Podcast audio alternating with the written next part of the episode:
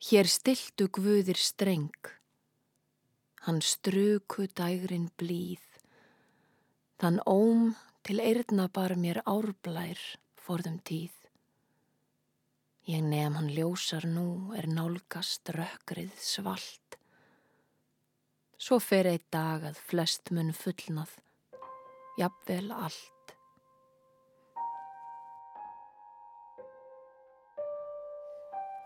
Strengir eru víða og þeir liggja víða. Í þessum þætti verður fjallaðum strengina í lífi okkar.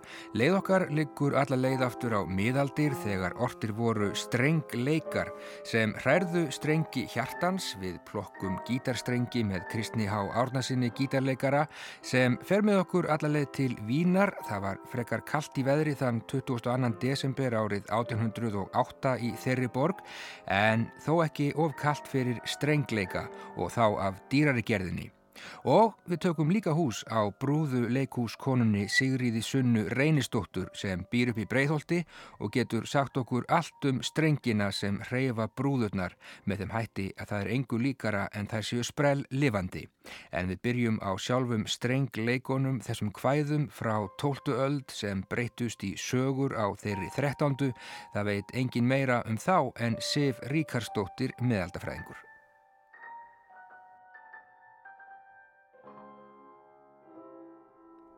Lástiks ljóð Nú vil ég segja yður einn atbyrð af hveim brettar gerðu eitt strenglegsljóð og kalla þeir þetta ljóð Lástik. Svo er kallað í breskumáli en í völsku rúsinól en í ennsku nigdigal. En það er eitt lítill fuggl er þegar sumra tekur þá syngur hún og gellur um nætur svo fagurt og mjóri röttu að indilegt og innilegt er til að hlýða. Af einhverjum ástæðum þá fór ég að hugsa um gammalt fyrirbæri sem heitir strengleikar. Sigur Ríkarstóttir, þú veist hvað hérna, strengleikar eru. En við myndum kannski byrja bara á þessu orði. Hvað, hvaðan kemur þetta, þetta fallega orð sem er nú bara eitt af sko, fegustu orðum tungumálsi sem myndi ég segja? Já, það er vissulega mjög fallegt. Um, nú veit ég reyndar ekki hvað sko, hvað rótin er eða hvaðan, hvaðan orði kemur í sjálfu sér en, en það er, kemur fyrir í handreiti frá, frá um 1270 mögulega eins fyrr. Um, það sem eru sapn af svona ljóðsögum og það er talað um, sem strendar ekki strengleika, heldur strengleik. Það er að segja að það er, það er talað um ljóð, ljóðsögur og strengleik. Mm og þetta sapn sem að hefur síðan fengið nafnið Strengleikar og er þekkt undir nafninu Strengleikar í framaldi af því. Í því fylki á Breitlandi er einn helgi mal og kvílir er einn ríkur og frægur bær. Í þessum bæ byggur tvei rittarar og áttu hvor þeirra sinn garð. Annar þeirra var kvongaður fríðri og fagri konu, higginni og hæverskri en annar öllum kunnigur og auðláttinn dugandi mönnum og sínum jafningum. Þessi hinn ungi rittari unni konu granna síns. Svo mjög og lengi bað hann hennar og svo mikill góðleikur fannst henni með honum að hún unni honum yfir hvetvetna fram. Úr því sveplofti er hún í svaf, mátti hún ræða við unnasta sinn, þá er hún stóð eða sat í lofti sínu og svo hann til hennar úr sínu lofti og það þeim eigi mislíkaði því að þau voru bæði í miklu hæg lífi. Nefna það aðeins að þau máttu eigi saman koma sem þau gjarna vildu. Með þeim hætti elskuðust þau lengi.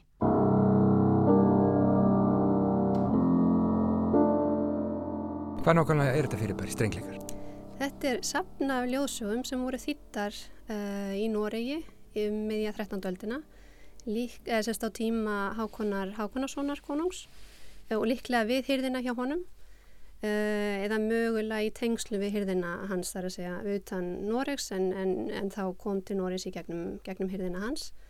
En upprunalega eru þetta uh, ljóðsögur sem voru rítaða niður uh, á handrit, á pappir eða, eða líklegast á skinn í svona miðja tóltuöldina og það var, það var sem sagt uh, höfundur sem hefur tillað sér sjálf uh, Marie de France og var uppi sérstu miðja, miðja tóltualdina uh, líklega eins og hún segir sjálf frá Fraklandi en var líklega í Breitlandi, vann sagt, eða, eða bjó eða dvaldi í Breitlandi mm.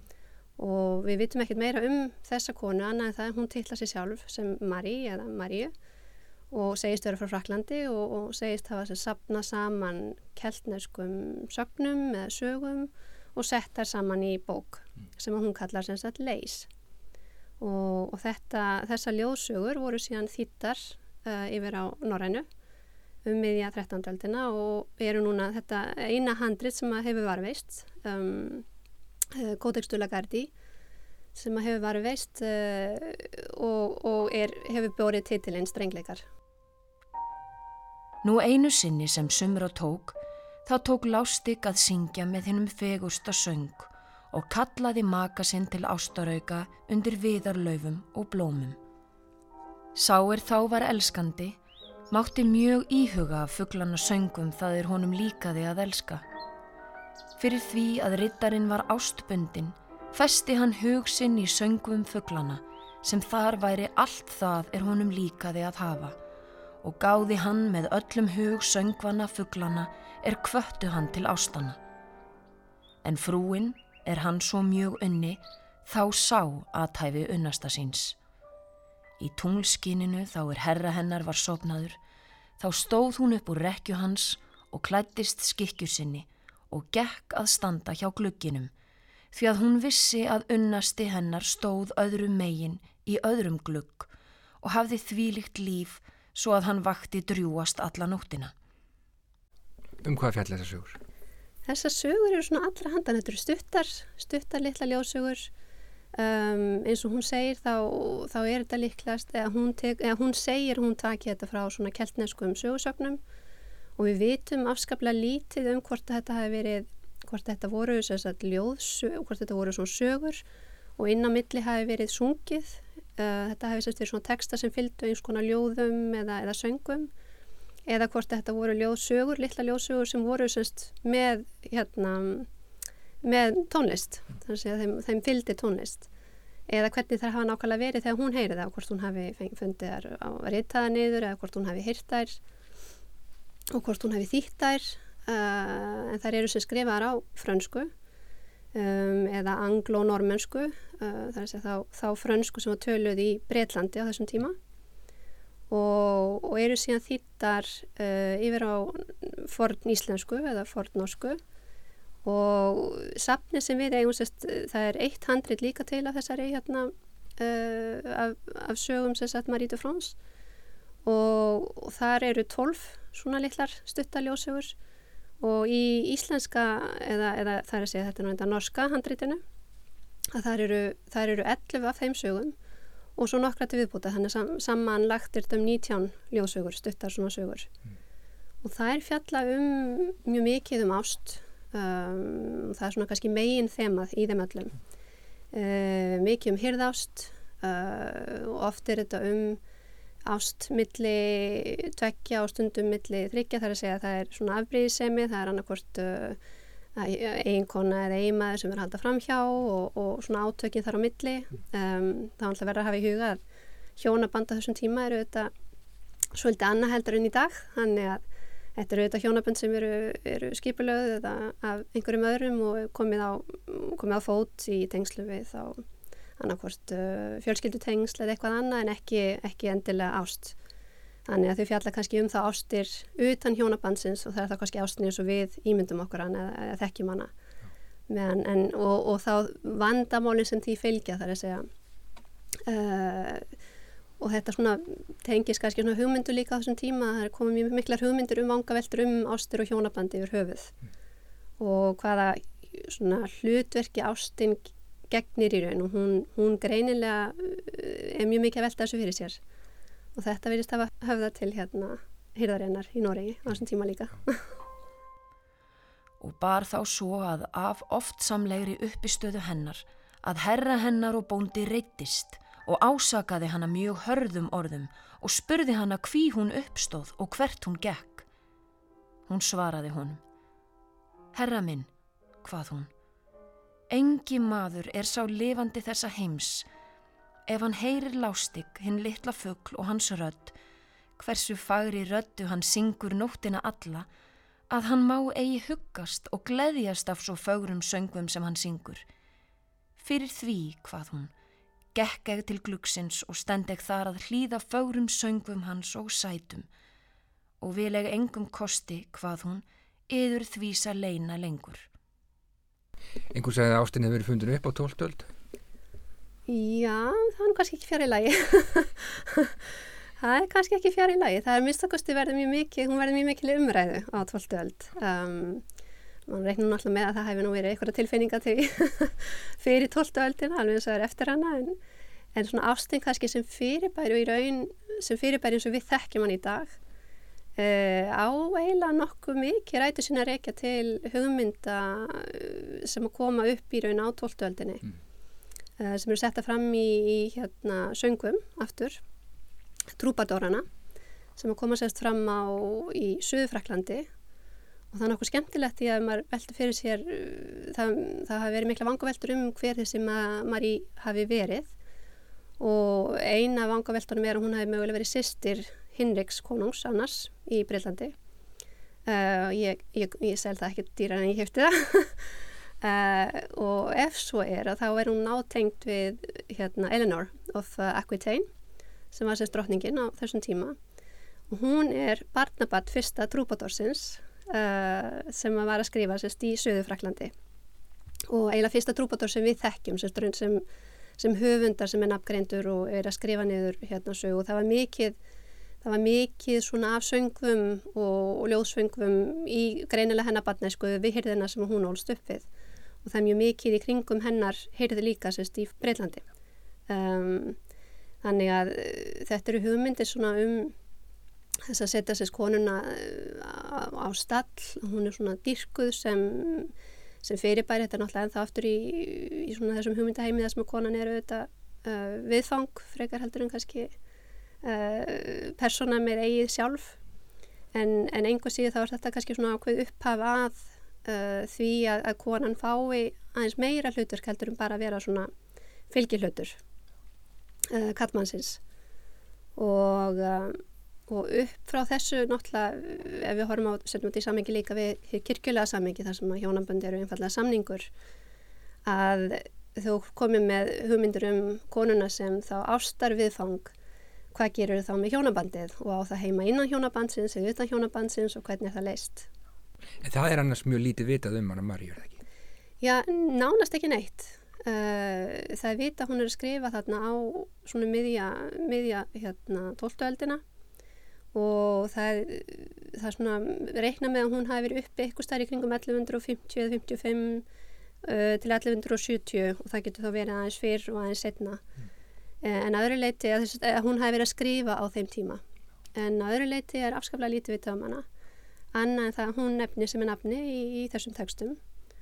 Og hún einni í þessum textum, það er nú enda mjög skemmtilegt því að hún hún, hún ávarpar eiginlega svolítið áherindu sína og, og það er svona ákveðin svona uh, það er svona ákveðin díalóg sem, sem er í gangi sérst í textanum en það er að segja samræða við áherindu sem að það sem er greinlega einhvers konar forsaga.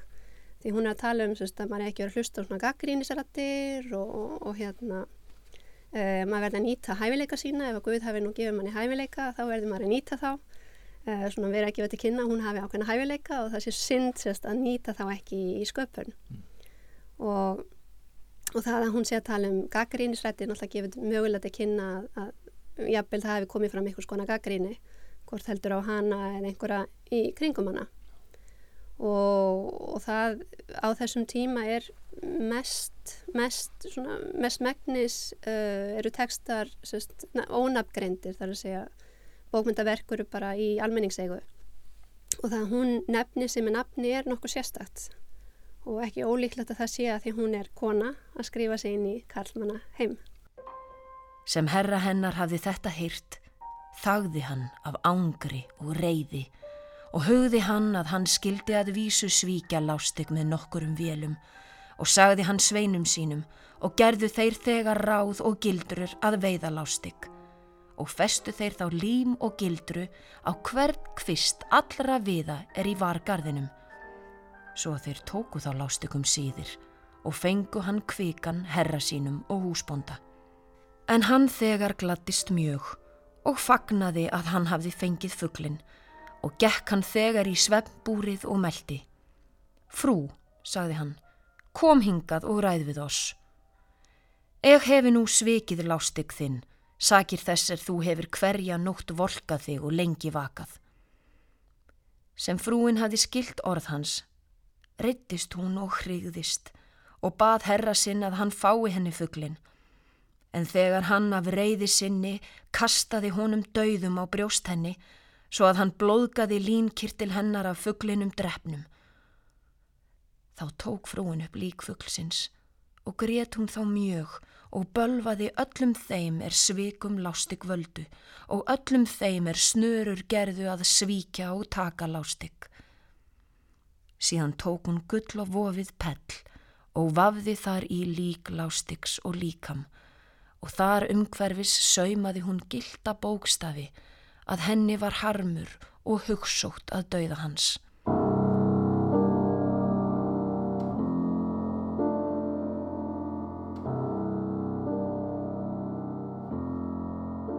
Laustig? Já, lástig. Laustig á íslensku, lástig á, á fransku, já. Það er flott. Já, hún er óaða skemmtileg. Uh, og það sem er, alltaf, það sem er kannski skemmtileg líka við hana er að uh, næturgalinn uh, þetta er náttúrulega fuggl sem var ekki tektur á Íslandi.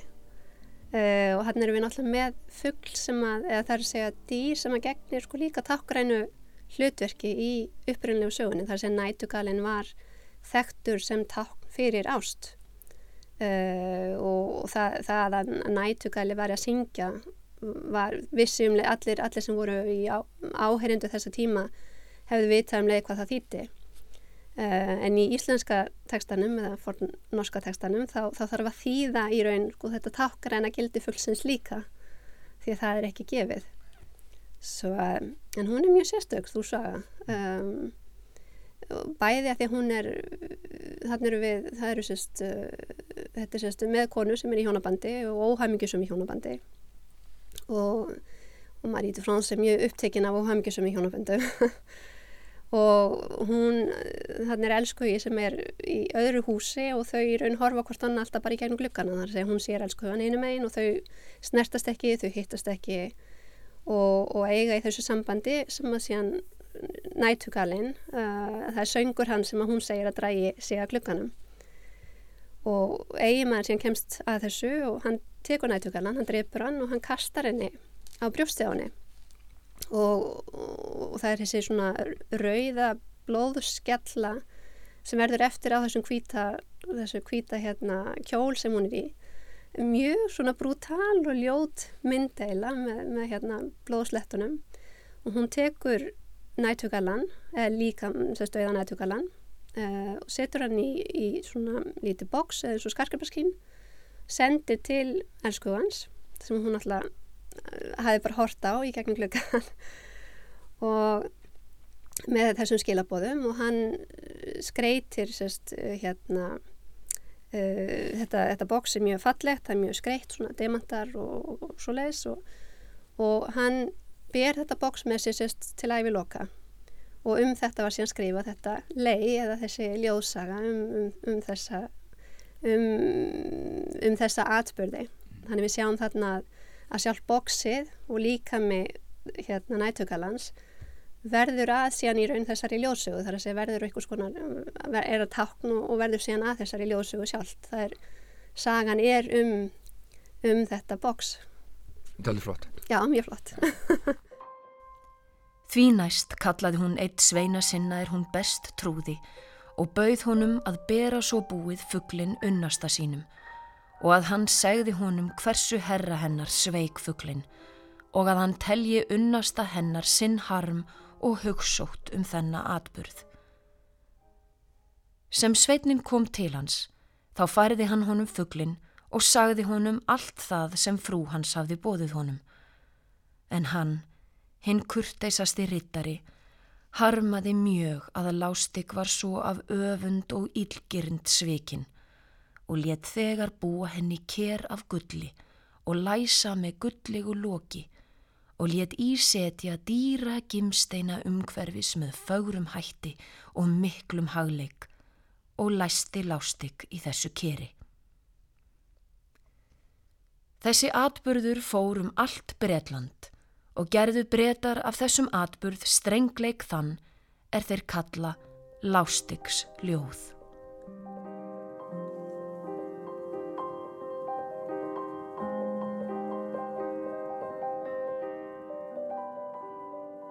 Ertu hrifin af strengleikum? Já, ég er mjög hrifin af strengleikum.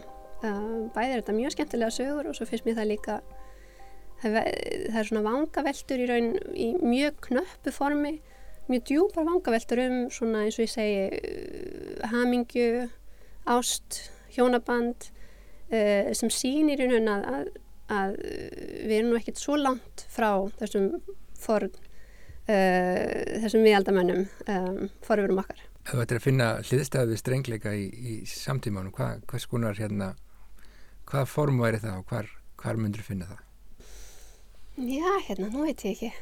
Þetta er náttúrulega, strengleikar er náttúrulega eins og nafni beti kynna, tengt sko tónlist. Um, það ber í náttúrulega nafni, ber, ber það í sér, það, þetta sé uh, strengleikar að hann hafi verið mögulega verið að leika á strengi og líklega var, var það upphaflega tengt einhvers konar einhvers konar hljón tónlist líklegast í svona streng að það væri strengja undirleikur um, þannig að ég myndi segja að það er að vera einhvers konar bland af myndlist með, með strengja tónlist undir og jáfnveg svona stuttmyndir og texti, smásögur.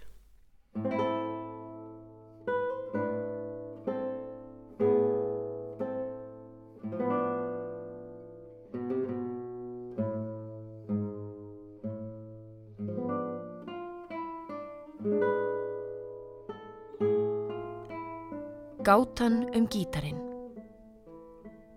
Á ringlaga krossgötum dansa sex megar þrjár af holdi og þrjár af silfri. Draumar gærdagsins leita þeirra en gullrendur pólifemus vefur þær örmum, gítarin.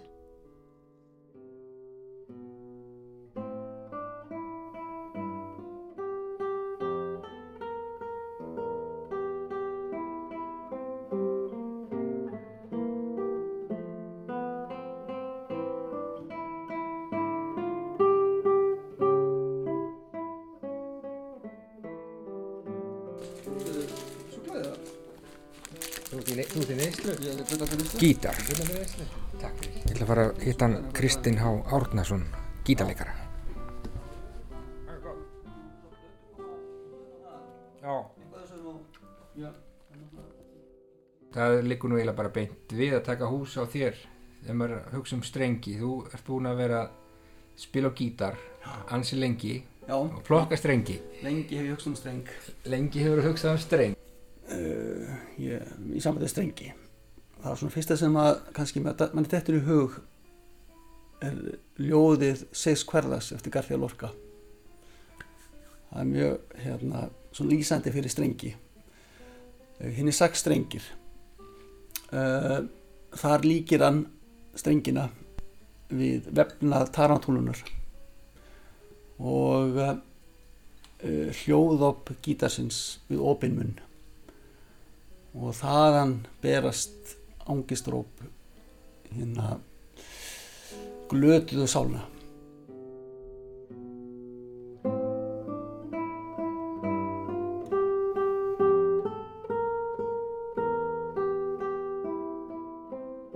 Strenginir sex.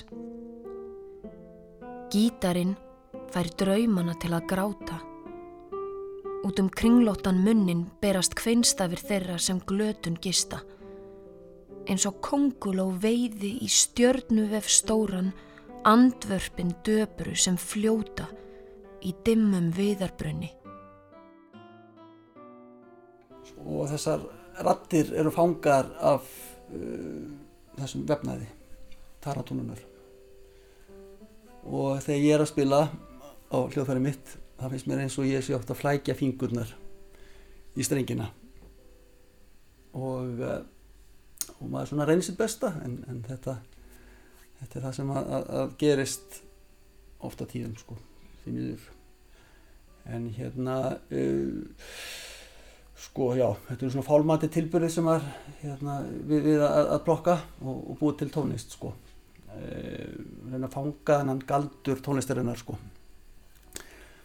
og uh, maður náttúrulega er sem sagt, það sem hamla manni er náttúrulega lífræðimanns það eru hérna innri strengir sínarnar sem að láta ekki alltaf stjórn. Þannig það eru þær sem að svona veðvarnir toga og sínarnar plokka í strengina. Og svo eru náttúrulega strengir hjartans hjartanstrengir, það eru þeir sem að eru upphaf alfa og omega alls þessa. Það eru hjartastrenginir og þeir uh, það eru þeir uh, sem að það er náttúrulega svona hugurinn náttúrulega en, en maður getur svona nota þetta orð hjartastrengir Já, það er þeir sem stjórna. Þeir eru svona brúðumeistarar. Og svo er það, er það, er það strengirnir í, í framhalleg og fingurum sem að plokka plokka gítastrengin og hann titrar eins og hjartastrengurinn. Og, og sameindir andrúslofsins það er reyfast gárast eins og gárur. Söldur berast í eitthvað eira sem er nærþægt hljóðhimnan hristist. Og ef að maður er heppin að þá titra hjartastrengur þess sem hlýður á samræmi við hjarta þess sem er að flytja tónlistina en það er ekki, ekki alltaf sem það gerist og þá getur náttúrulega viðkoma, viðkomandi tilherandi bara veist, hvartan þetta háaði eða, eða heimta að afgangsverðin verði, undirgreitur þannig þannig, að, þannig upplýja við, stundu strengi sko. En alltaf snýst þetta um það að, að finna leiðina frá hjartastrengnum og Já. já, niður í strengina Já. gítarnum og þaðan yfir í hjartastrengi þessum Já. að hlusta á jú, jú, það, það, og það er náttúrulega er, tekur náttúrulega mikla þjálfun og, og uh, maður þarf að, að vera með réttur, rétta græjur, gott hljóðfæri og, og, og einlagt hjarta. Og þannig að það er ímislega sem það til til þess að, að, að gera hana galdur alltaf mikið til. Þú talar um, um hjartastrengin og þú talar um strengina í sinunum og svo strenginir á, á gítarnum. Já. Finnst þér stundum og finnst þér það stundum yfirþyrmandi eða já þessi eh, getur verið rosalega langt á milli þess sem er hérna inn í hjartanu og svo að strengjónum. Getur Já. það verið löng vegalengt það getur verið mjög löng vegalind marga mílur. Marga mílur. Mm. já, já. og svo reynir maður að stýtta þá vegalind með, með þjálfun og, og með bara íhugun í híkli þar kemur þjálfun og mentun já, já, já. Einmitt. Það þarf kannski ekki alltaf mentun sko. En uh, en uh, það þarf kannski hugafær líka kannski til þess að uh, attitút líka. En það þarf ímislegt sko. Það getur eitthvað tekið bassa, lært á henni viku og haft kannski sum áhrif og kannski eitthvað sem hefur lært í greinu á nár sko. Þannig að það er en, en mentun er, er mjög góð. Maður mað skal alls ekki vanmeta hana. Hún er hún er, hún er, uh, hún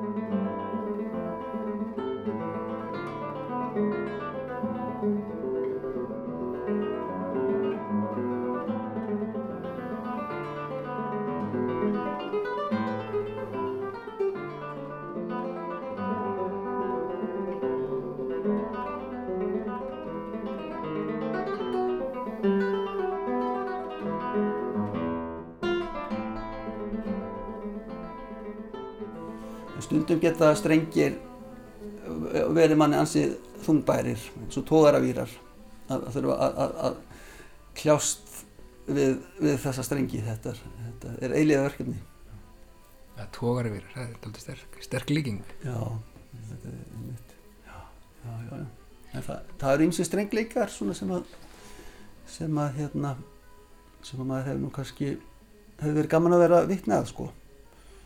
Sem að það sem að strengi komið í sögu ég var nú velta fyrir mér um daginn hvernig ég var að lesa um þarna tónleika sem að sem voru í Vín árið 1808 22. desember það var frekar kallt í veðri og á þessu kvöldi í hérna sal sem hér Teter Ander Vín voru fjóra klukktíma marathon tónleikar þar sem að 5. symfónia Beethovens 7. symfónia fjórið pianokoncertinans kóralsymfónían og uh, atriði þættir úr sétur hérna messu og, og ásamt því sem hann improviseraði sem sagt öll þessi verk þetta voru, frum, voru frumflutt á þessu kvöldi og ég hugsa að þetta hefur nú verið magna að vera viðstattur þetta er nú eina mikið öndvegisverkum tónbókmyndana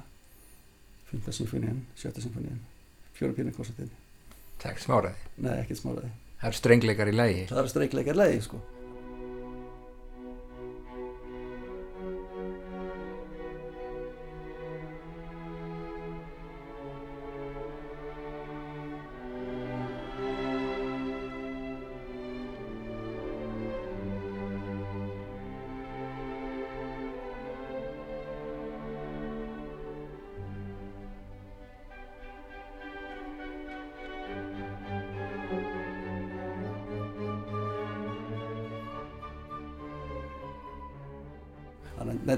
fleiri hljóðfæri en, en svona strengir. Hérna og mikil meistari strengjana að skrifa fyrir strengi. Og me- meistari improvisera líka. Hann improvisera gætnan í svona samkvæmum og var vist eitur snjall að improvisera og, og snarstefja. Mm. ég hugsa að það hefði verið gaman að vera í einhverjum slíkum partíum. Sennilega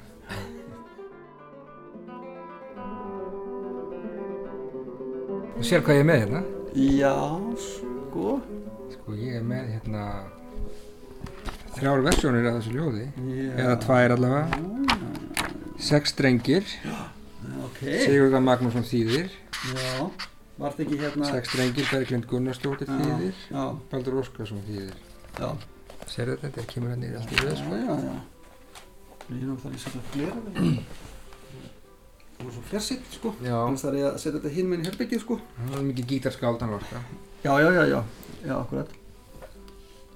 Sex strengir. Er? Gítarinn fær draumana til að tárast.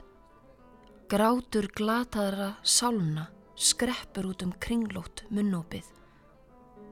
Og eins og tarantúla spinnur hann stóra stjörnu til að veiða andvörp sem fljóta á hann á svartri tréþró hans.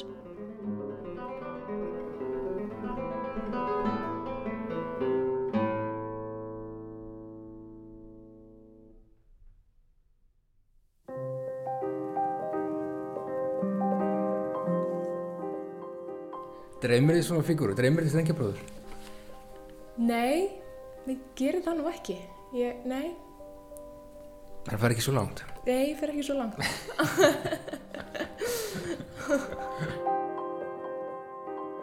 en þú veist aldrei að segja aldrei.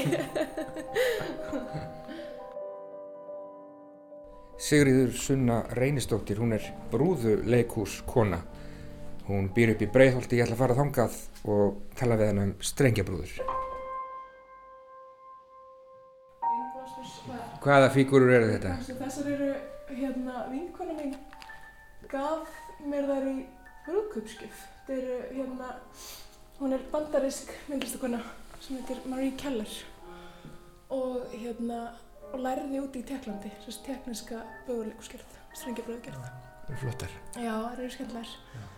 Það eru svona, hérna, já, þetta er svolítið svona þessi klassíska, hérna, tekniska strengjabróða er með þess að vír í gegnum hausinn og svo það bara fáa strengi sem fara í hendur og fætur. Um brúðuleikhúsið.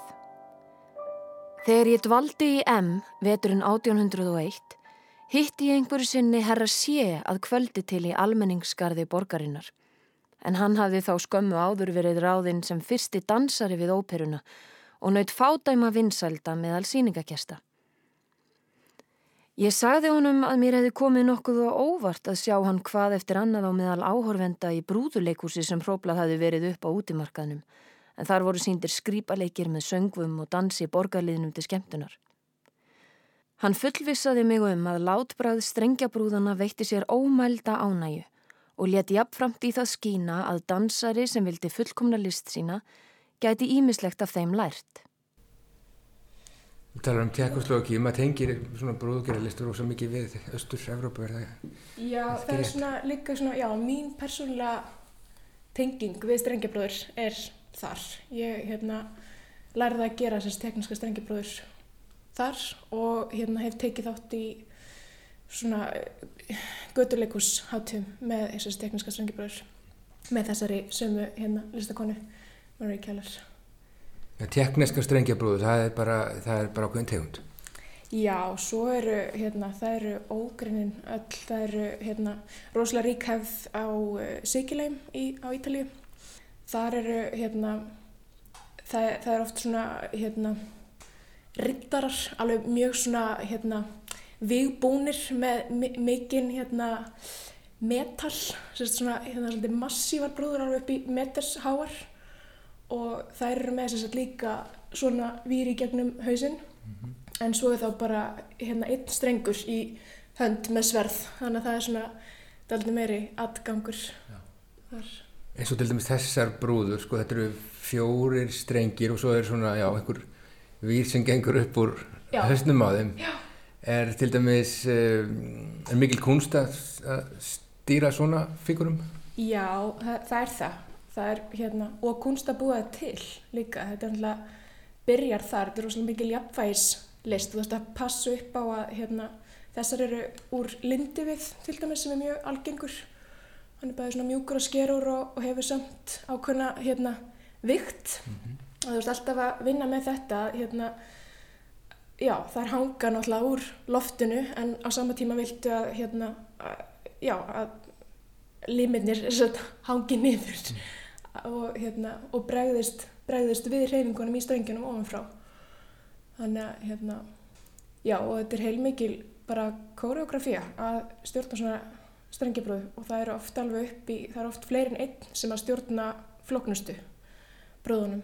Þess að þess er með fjóra strengi, svo ertu oft með í staðan fyrir að vera með þennan vír hérna í gegnum hausinn, þá ertu með, hérna, tvo strengi eða jafnvel þrjá í höfðinu og og jáfnvel alveg hérna í bakinu getur verið, já mm. þetta getur öll að fara upp í svona 16-20 strengi Ég þóttist heyra að þessi orð væru annað og meira en skindileg hugdetta svo ég settist hjá honum til að grenslast fyrir um ástæðurnar fyrir svo einkennilegri fullirðingu. Hann spurði mig hvort mér finnst ekki reyfingar brúðana í dansinum, engum hinn að smerri, vera þokkafullar. Ég gæti ekki neyta því. Fjórir bændur stegur ringdans í hröðum takti með slíkum þokka að Tenje hefði ekki getað málaða betur. Ég spurði hann um gangverkið í brúðunum og hvernig und væri að láta limi þeirra reyfast í ákveðnum takti eða dansi án þess að hafa ótal þræði flækta um fingurna. Hann sagði að ég skildi ekki hugsa mér þetta þannig að leikbrúðumeistarin tókaði í hvert einstakann lim meðan á dansinum stæði. Hver einasta hreyfing, sagðan, ætti sér þingdarpunkt. Þessi punktur væri inni í brúðinni og það væri nóg að stýra honum. Við það hreyfðust leimirnir sjálfkrafa án þess nokkuð væri gert við þá, en það væri þeir ekki annað en pendúlar.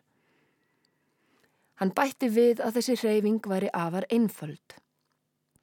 Í hvert sinn sem þingdarpunkturinn væri hreyfður í beitni línu, mynduðu leimirnir sveigðalínu og oft nægði einhver tilviljana kendur nikkur til að allt væri að reyfast á taktfastan hátt eins og í dansi. Mér fannst í fyrstu að þessi orð vörpuðu svo litlu ljósi á ánægjuna sem hann saðist hafa af brúðuleikursinu, en það var langt frá að mig rendi í grun hvaða álíktanir hann átti síðar eftir að draga af þessu. Hvenar hérna, hvenar datt mönnum í hug fyrst að fara að hérna fyrta með svona strengja brúður? Hvenar byrjar svona þessi tegund brúðuleikus? Sko, það eru alveg heimildir aftur í hérna, tíma forn Egipta. Um, það sem að, og þetta er mjög, hérna, kemur svolítið mikið úr fornum trúaratöfnum og til dæmis alþjóðlega orðið yfir strengibröður er hérna marionett sem þýðir litla Marja, þess að smækkunarending fyrir Marju, Marju mei og hérna, og sérst hefur varpað fram að sé út af því að hún hefur verið sérst strengjabrúða af Marju mei í helgiatfnum kristnum. Og það eru líka heimildur um forn Greiki, Rómverja sem hérna notuðu strengjabrúður svona fremstæðari þá gerðan úr leir um, eða beinum Já, þannig að þetta er æfafort og svo tegir þetta, þetta hérna til Burma, það er mjög áhugaverð hefð og svona austur. Östurlundum. Já, Þetta er svona gammalt. já, þetta er mjög gammalt. Hvað hérna rak þig út í það að fara að hérna sinna, sinna brúðuleikusi? Þetta, ég fengi þessa spurningu svo oft að ég ætti að vera að koma með eitthvað alveg svona skotelt svar en hérna hún saminar bara mjög margt sem að mér hérna finnst heillandi. Man getur leift sér að vera svolítið þúsundtjálasmiður og hérna gott fyrir fólk með valkvíða sem vil fá að hafa puttana í, í mörgu. En svo er eitthvað við brúðuleikus bara sem að höfða til mín, það er svona þessi einfaldi leikuskaldur að þú þarft að fá hérna áhörundum með þér til þess að þeir þurfa að fjárfesta svo tilfinningarlega í, í hérna í blekkingunni og í leikhúsinu sjálfu. Og þú þarft að búa til helmingin í hausnum á þér sjálfur sem áhörandi og það heitla mig alltaf mjög mikið. Og ég svona mín mesta hérna ánægi starfi er þegar ég heyri sagt, heyri fólk segja svona já, svo frábært þegar brúðan þarna í þessu atriður hún breytt um svip og maður svona já, hún, hún gerði það ekki en, en þú veist það, það er þetta þá, er, þá ertu búin að breyta um svip sjálfur út frá einhverju sem að gerast á sviðinu Ég spurði hvort hann heldi að leikbrúðumeistarinn þyrti sjálfur að vera dansari eða að minnstakosti kunna skila á fagurfræði dansins. Hann svaraði því til að þótt einhver aðtöfn var í auðveld út frá tæknilegu sjónarmiði þýtti það engan vegin að ekki þyrta að leggja nokkra tilfinningu í hana. Að vísu væri línan sem þingdapunkturinn ætti að mynda engar einföld og oftast nær bein eftir því sem hann best vissi. Í þeim tilveikum sem hún væri sveigð virtist lögmál sveijunar vera fyrstu eða annarar gráðu og í þessu síðastnemda tilfelli eingöngu ellipsulaga en það væri náttúrulegt form fyrir útlimi líkamanns vegna liðamótana og þess vegna þyrti ekki íkja mikla færni af hálfu leikbrúðumeistarans til að ná því. Frá öðru sjónarmiði væri þessi lína aftur á móti mjög leindardómsfull.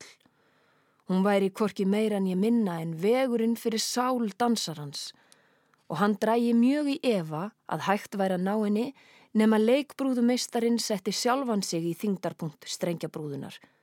Með öðrum orðum sagt að hann dansaði. Ég svaraði þá að mér hefði alltaf skilist að þessi listgrein krefðist ekki íkja mikillar andagiftar en það væri hún sambærileg við það að snúa sveif á lírukassa. Það er af og frá, andmælti hann. Þvert á móti. Tengslinn millir fingrarreyfinga leikbrúðu meistarans og reyfingabrúðana eru jafn flókin og sambandið millir talna og lókaritma þeirra eða tengsl hýperbólu við aðfellur sínar. Reyndar væri hann nú komin á þá skoðun að þessi vottur af andagift í strengjabrúðunum sem hann hefði minnst á væri ekki nöðsynlegur því hægt væri að láta dans þeirra stjórnast alfarið á vélrænan hátt og knýja hann áfram með sveif eins og ég hefði haldið. Ég leti ljós undrun mína að hann skildi hafa svona mikinn áhuga á listgrein sem fundin hafði verið upp fyrir almúan. Það var ekki nóg með að hann áliti brúðuleikúsið búa yfir möguleikum sem lyftu því upp á aðra plan, heldur virtist hann sjálfur vera að vinna að því markmiði.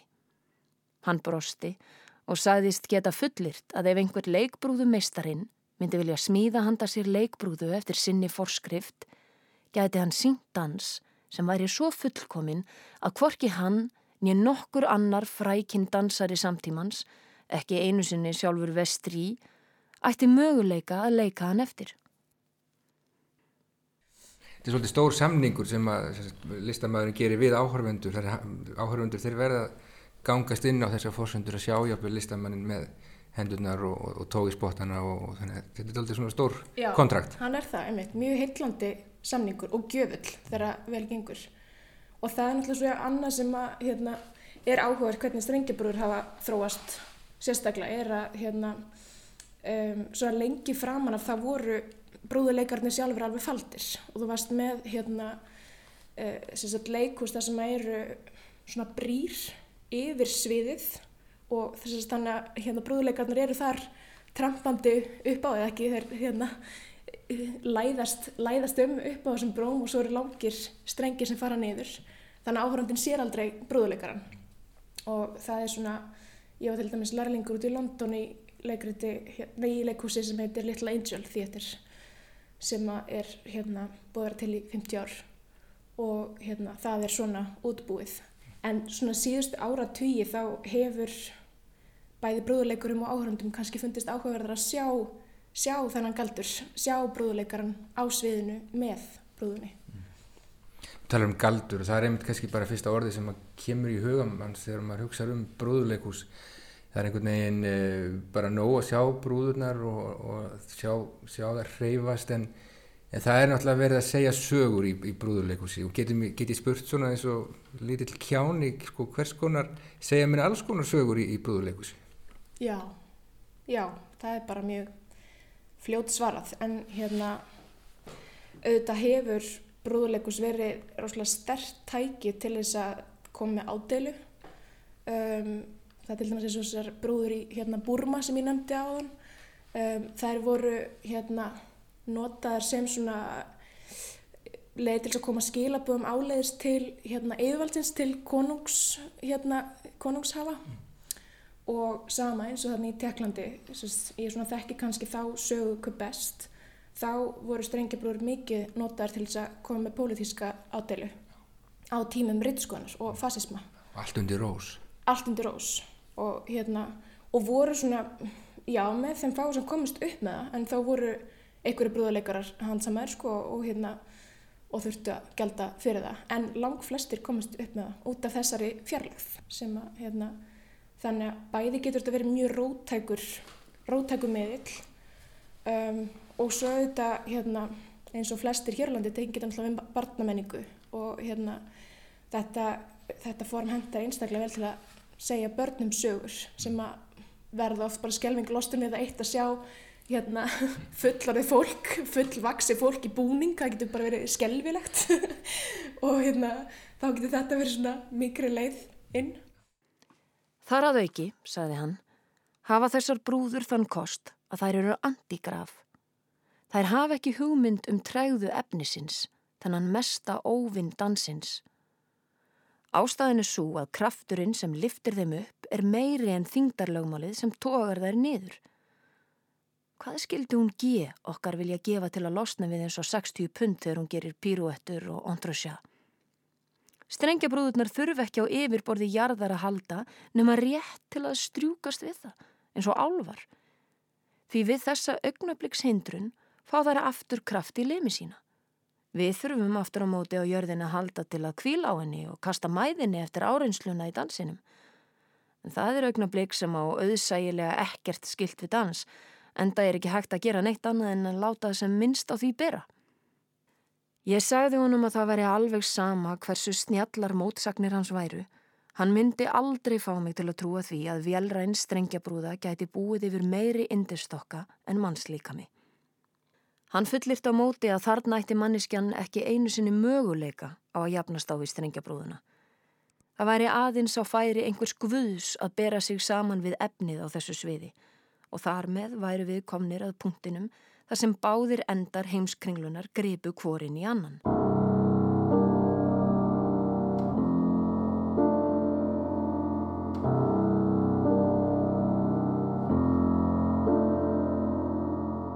Hvernig sögur langar þig til segja? Um, það eru ótal, ótal margar. Mér finnst það mjög gaman alltaf að velja brúðu tegundina út frá því hvaða sögur ég er að segja. Mm. Hvað, hérna, þú veist, hvort maður er að vinna með hérna, handbrúður eða skuggabrúður eða strengjabrúður. Þetta er náttúrulega bara hérna, ótrúlega margar undir tegundir og ég hef svona sagt að segja, minnst nota strengjabrúður hinga til að vera með hérna, verkefni í höstnum sem að sem við langar nota strengjabrúður mm. í sem að kemur svona síðar.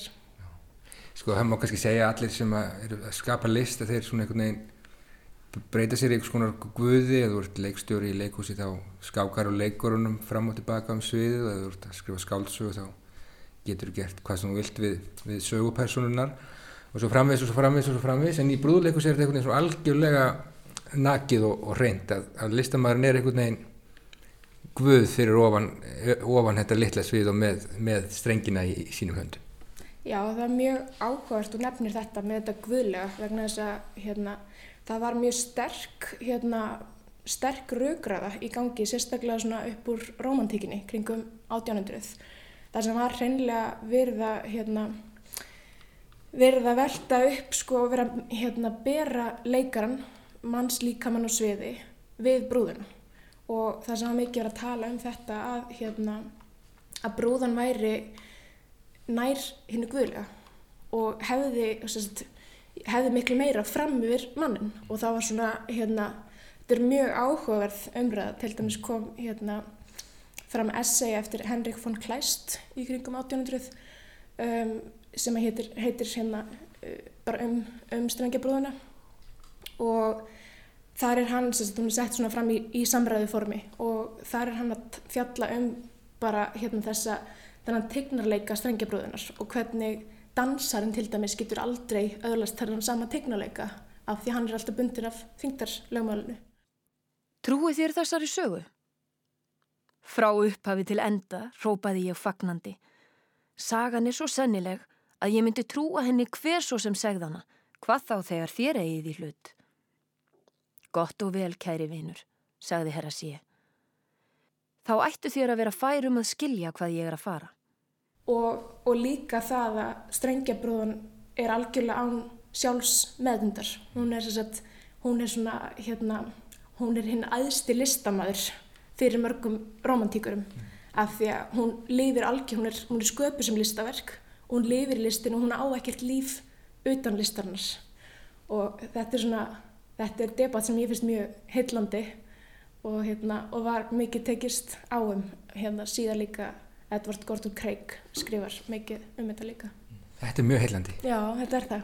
Og náttúrulega, og það er þessi svona, það er þessi, já, það er þessi svona trúarlegi upprunni brúðuna sem hefur svolítið fyllt henni mm. og hérna, og þessi romantíkurar, þeim svona, hérna, þeim, þá tók svolítið sárt að sjá þessar, þessar veru sem þeir eru búin að upphefja svona mikið í hérna svolítið svona grófum og gróteskum gödulegg síningum. Það, það var eitthvað svona merkjum hnygnun mm. að hérna þær væri ekki lengur á þessum háa stalli sem að þeir vildu þar væru á. Afhelgun. Já, eitthvað afhelgun. Já. Já, þetta, þetta er mjög aðteglisvert. Ég man eftir þess að það er gott að nefna þetta með klæst, ég hef lesið þetta. Þetta Já. er til þýtt. Við höfum séð að þokkin verður þeimun skærari og sterkari sem meðvutundin verður dauvari og veikari en rétt eins og tvær línur sem skerast öðru megin við einhvern punkt og skerast aftur hinu megin eftir að hafa farið í gegnum óendanlegt rými eða myndin í hólspekli sem fjarlægist óendanlega og er allt í einu komin þétt upp að okkur aftur. Þannig öðlumst við indistokkan aftur eftir að þekkingin hefur gengið í gegnum heið óendanlega. Indistokkin byrtist samtímis í sinni hreinustu mynd í mannslíkama sem býr annað hvort yfir engri meðvitund eða óendanlegri. Það er að segja í strengjabrúðinni eða í guði. En þá, sagði ég svo lítið ringlaður, yrðum við aftur að eta af skillingstrínu til að endur heimta sakleysi okkar. Reyndar, svaraði hann, og það er síðasti kaplinn í sögu heimsins. Það er náttúrulega freistandi sko að því að þessi þáttur og þáttaröð hérna á rásveit fjallar um strengi og einhvern veginn þá þegar maður sér þessar teknísku brúður hérna hangan eða nú ljósakorunni hjá þeirra þá svona kannski fyrir maður kannski að draga smá hérna þræði frá þeim og yfir í okkur sjálf sko er við gengs konar strengjabrúður bara við mannfólki sem er svona tókað í, hinn ymsu öll tóka í hvort sem það er samfélagið eða okkar nánustu eða menningi sem við búum við er þetta ekki svolítið, þetta er aldrei mögnuð metafóra svona fígurur með, með strengi upp úr, úr útlýmónum Jú, hún er það, hún er það mikið notuð í hérna í skopmyndatekningum um að fyrir gegnum þær hérna, þá eru stjórnmálamenn gerðnan síndir sem strengibrúður það er svona, það er svona stærsta já, rosa stórt skot sko, að koma með sína stjórnmálumann sem strengibrúður eða hérna, valdhafa. Vera svona grafa undan að þeim grafa undan þeim valdið. Og við öll er það, gerum við ekki öll strengibrúður að einhverju leiti er ekki einhver sem að tóri spottan hvort sem við trúum og guður ekki. Jú, kannski einhver leiti og svona tókum í spottan á hvort öðru. Já. kannski, já. Nákvæmlega.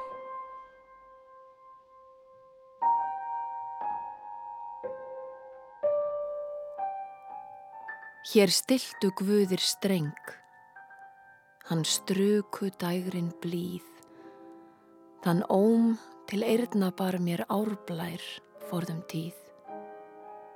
Ég nefn hann ljósar nú er nálgast rökkrið svalt. Svo fer eitt dag að flest mun fullnað, jafnvel allt.